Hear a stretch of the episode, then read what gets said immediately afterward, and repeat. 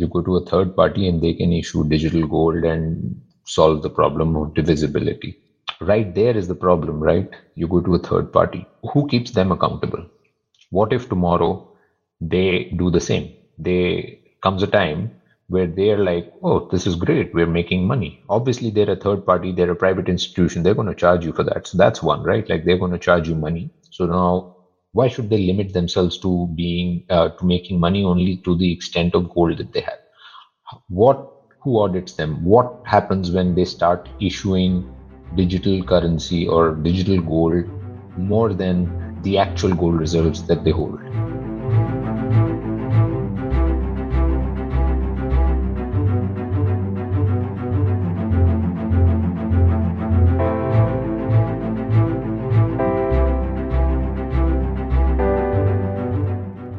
So, Bhatia, looking at a five to seven year view today, uh, gold use cases seems to be, be, seems to me to be better than Bitcoin. You know, uh, to say so, its supply is 1.5 percent compared to Bitcoin supply of uh, roughly around three percent. Gold has a 5,000 year history, which makes it more stable and, and it is definitely more acceptable today than Bitcoin in the in the larger scheme of things.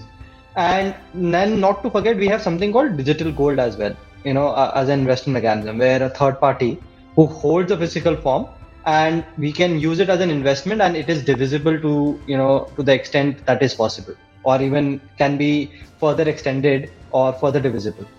So does this not make gold a better investment like it does in my view?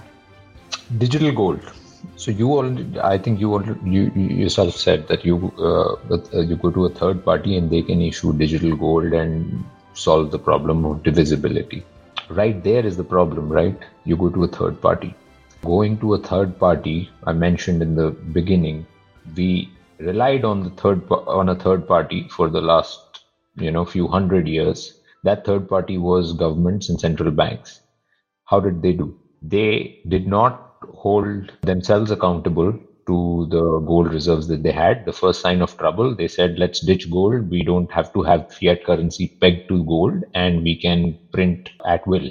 So now there is no limit to how much they can print. So now coming to this third party, or let's say it's a private institution that uh, you go and you give, you know, you have gold bars and you say, hey, you know what, nowadays gold is money, but uh, I have gold bars. So can I just deposit all my gold with you and you can give me the smallest divisible unit in digital form, which I can then use to transact and make my life simple? Who keeps them accountable? What if tomorrow they do the same? They comes a time where they're like, oh, this is great. We're making money. Obviously, they're a third party, they're a private institution. They're going to charge you for that. So that's one, right? Like they're going to charge you money. So now, why should they limit themselves to being, uh, to making money only to the extent of gold that they have? What, who audits them? What happens when they start issuing digital currency or digital gold more than the actual gold reserves that they hold, which is exactly what central banks did? What happens if this private institution does not have healthy you know business practices. What if there is some fraud that is committed? What happens if they uh, go bankrupt? Where, where does your goal go? So you are creating basically counterparty risk. You are basically putting all your eggs in one basket and you're going to a third party. You move from one then if if that's the case then let's not move to gold. Let's there's no no need to move off of central banks because they're doing uh, the shitty job that we see them doing and what we're talking about just fine. If we want somebody else to do that shitty job i don't see why we have to move to somebody else. Their central banks are doing that that pretty well. The point of Bitcoin on this specific example is that it is completely decentralized and it is under nobody's control. And at the same time, it is under everybody's control. So the entire community, because of it being decentralized, the entire community of nodes, hundreds of thousands of nodes, they all come to a consensus and they all say that this is, you cannot issue more than 21 million Bitcoin.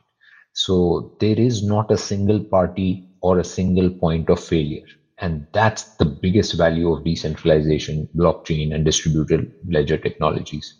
Now, coming to why this is an investment and you know why in the next five to seven years uh, time period is because we expect that this narrative that we are talking about on this podcast is going to catch fire not just because we are doing it. I think there are a lot of people like us, you know, a lot of people who started before us, people who've been in the Bitcoin space for over a decade, people who understand it a lot better than uh, we do, have already been talking and evangelizing uh, the world around Bitcoin. We can see the signs now. We are in the middle of a bull run.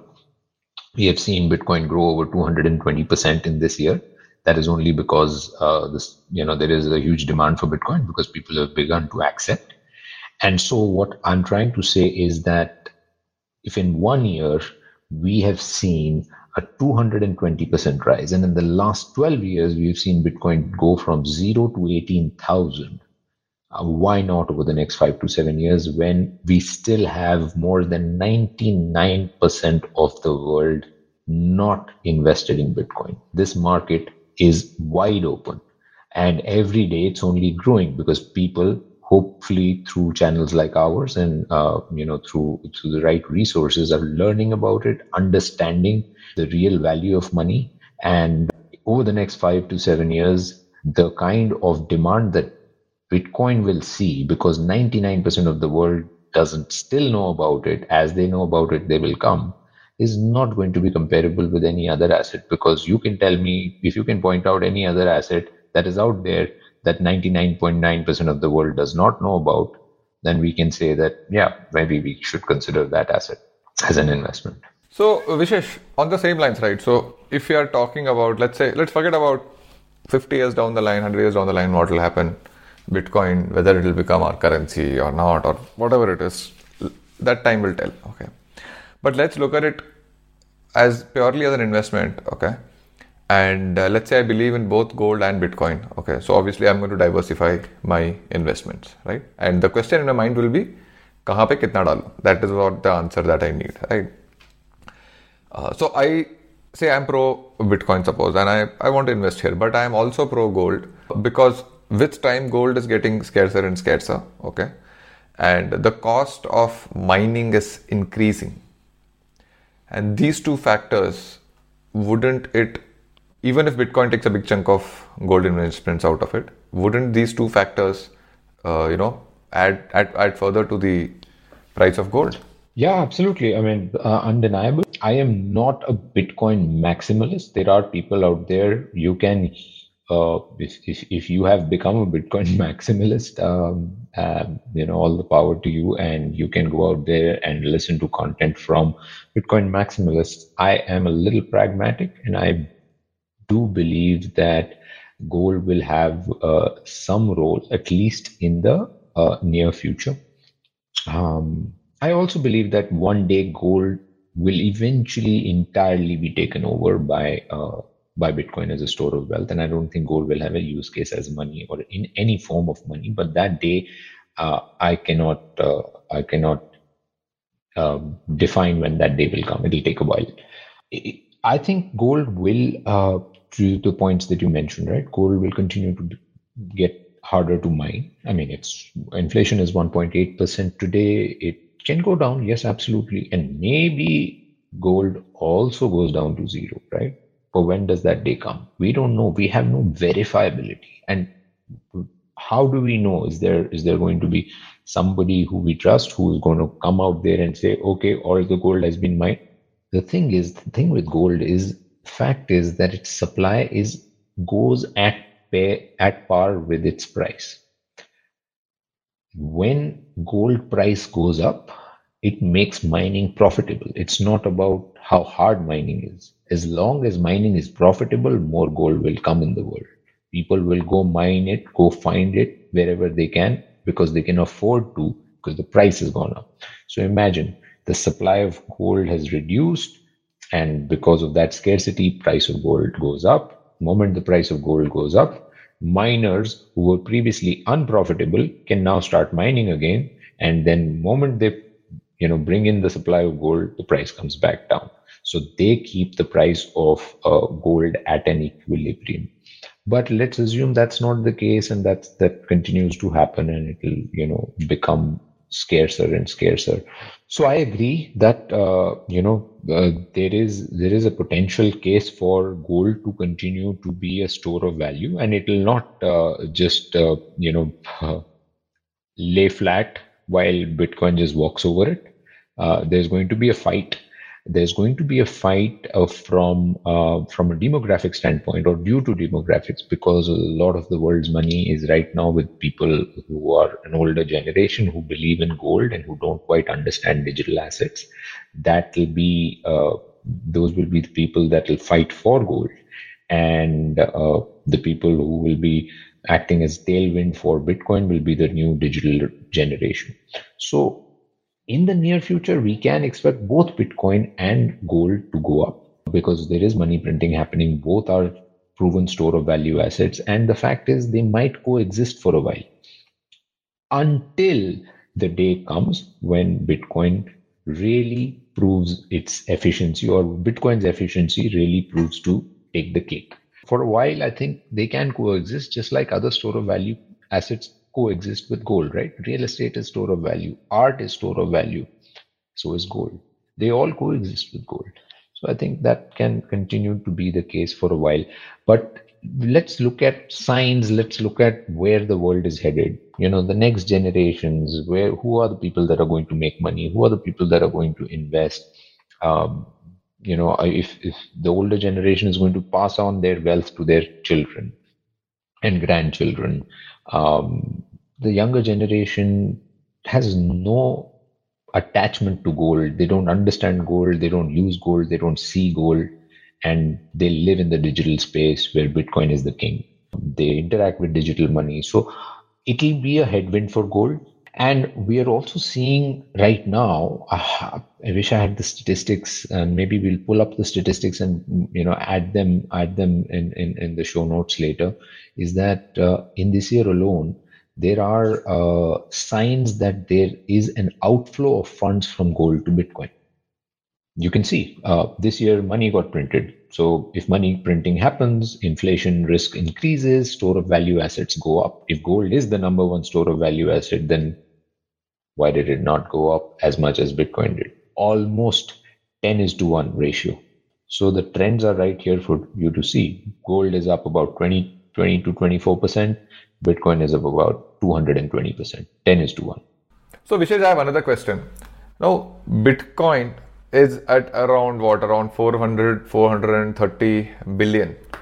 And gold is at 11 to 12 trillion. Okay, so there's a long way to go.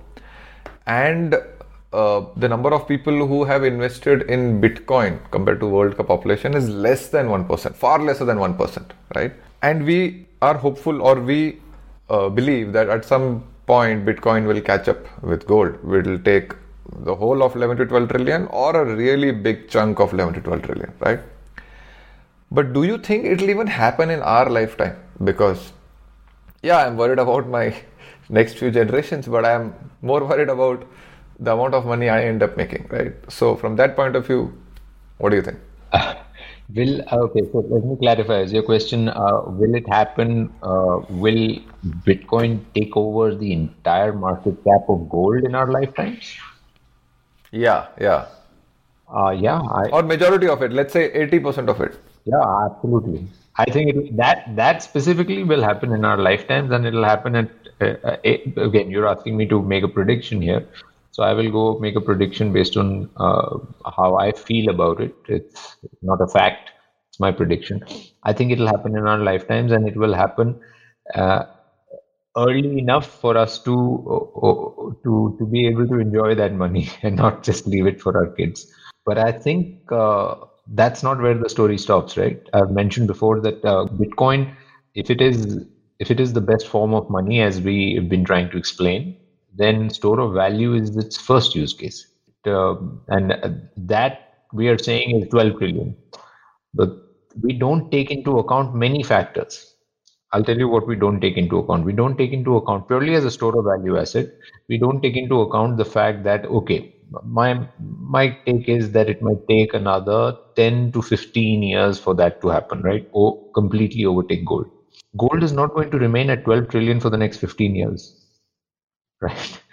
this 12 trillion number is also going to grow. So maybe this 12 trillion number will grow to 20 trillion, the rate at which money is being printed right now. So let's say it grows to 20, 20 trillion. Wild number I'm throwing out there. I don't know. I have no basis for saying 20 trillion. Maybe it's 30 trillion. I don't know. But let's say it's 20 trillion. So in the next 10, 15 years, the opportunity is not actually 12 trillion, it's 20 uh, trillion. So we haven't accounted for inflation. We haven't accounted for the global growth of the economy, right? The global economy continues to grow. And as it continues to grow, the value of the store of value assets will also continue to grow. We're just taking a point in time snapshot and saying it's 12 trillion today, so when will it become 12 trillion? Well, if the economy continues to grow, the value will continue to grow. It shouldn't need to stop at 12 trillion. Other factors, people have started investing the trends and i talked about it in this our other episode where i talked about why am i bullish on bitcoin where i mentioned that investments in alternative assets like gold real estate art etc has been increasing. I think uh, it is projected to increase from 6% of total investable assets up to 24% in the coming years. So if we if we say okay the economy is not going to grow gold is not going to uh, grow from 12 trillion you know in terms of its value well if simply this narrative plays out where 6% of alternative asset investments rises to 24% alternative assets then also there's an upside. And that's purely the store of value use case. Now in the evolution of money once money achieves store of value, then the next goal for or next milestone is medium of exchange. So when it becomes medium of exchange, there is further more upside. Then it goes beyond gold. And then the final pit stop, which is unit of account. So it has three milestones in front of us, in front of it. It has 99.5% of the world's population yet to accept it.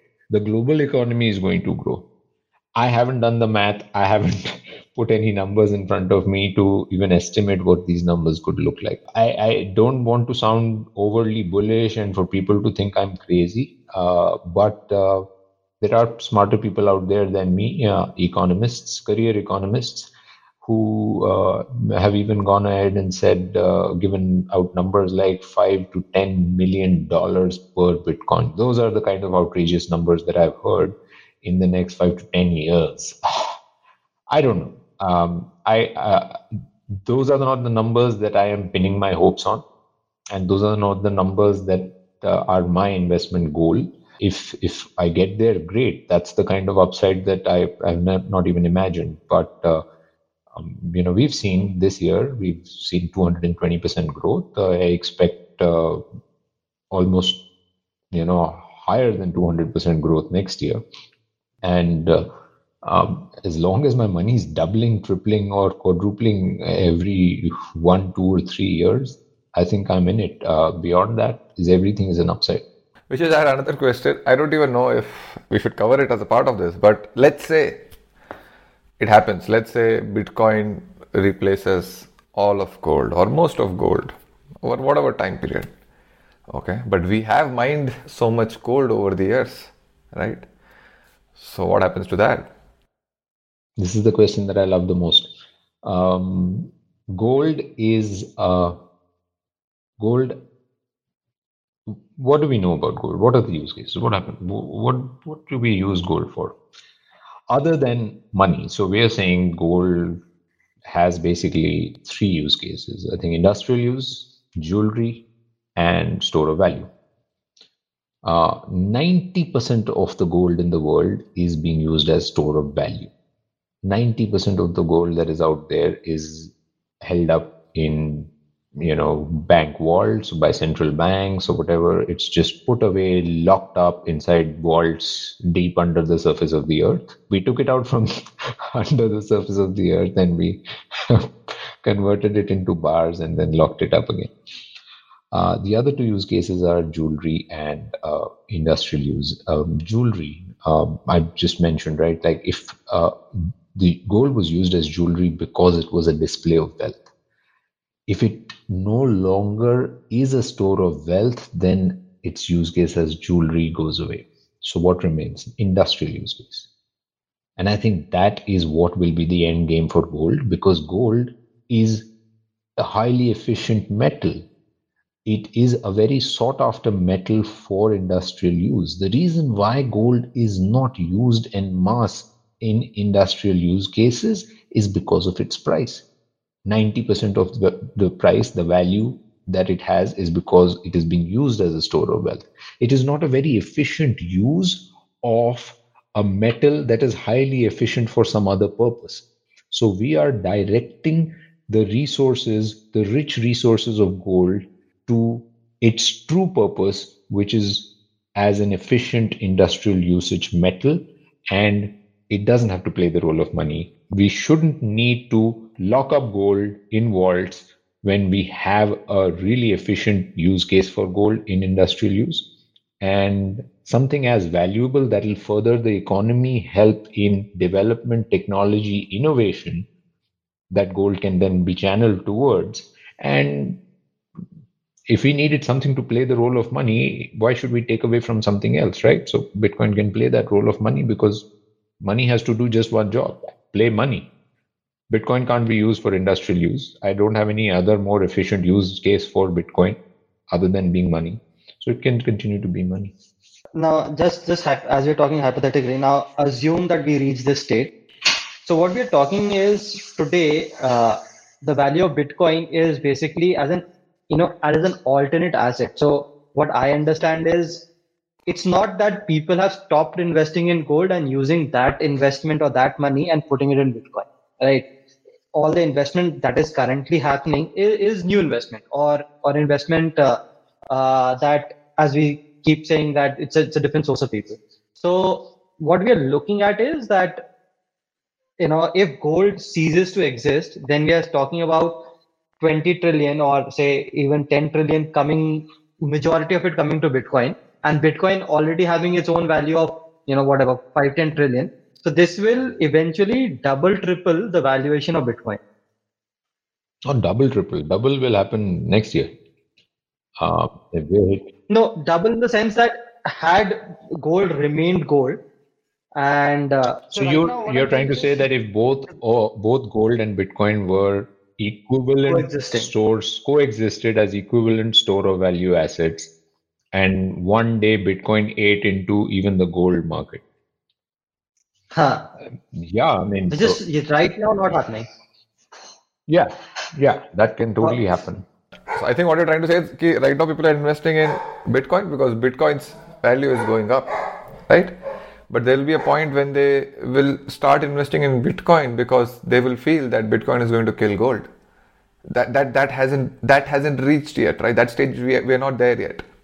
When they feel that gold will not be gold ka demand kam hone wala hai they know that gold price will go down. When that panic sets we don't know what will happen.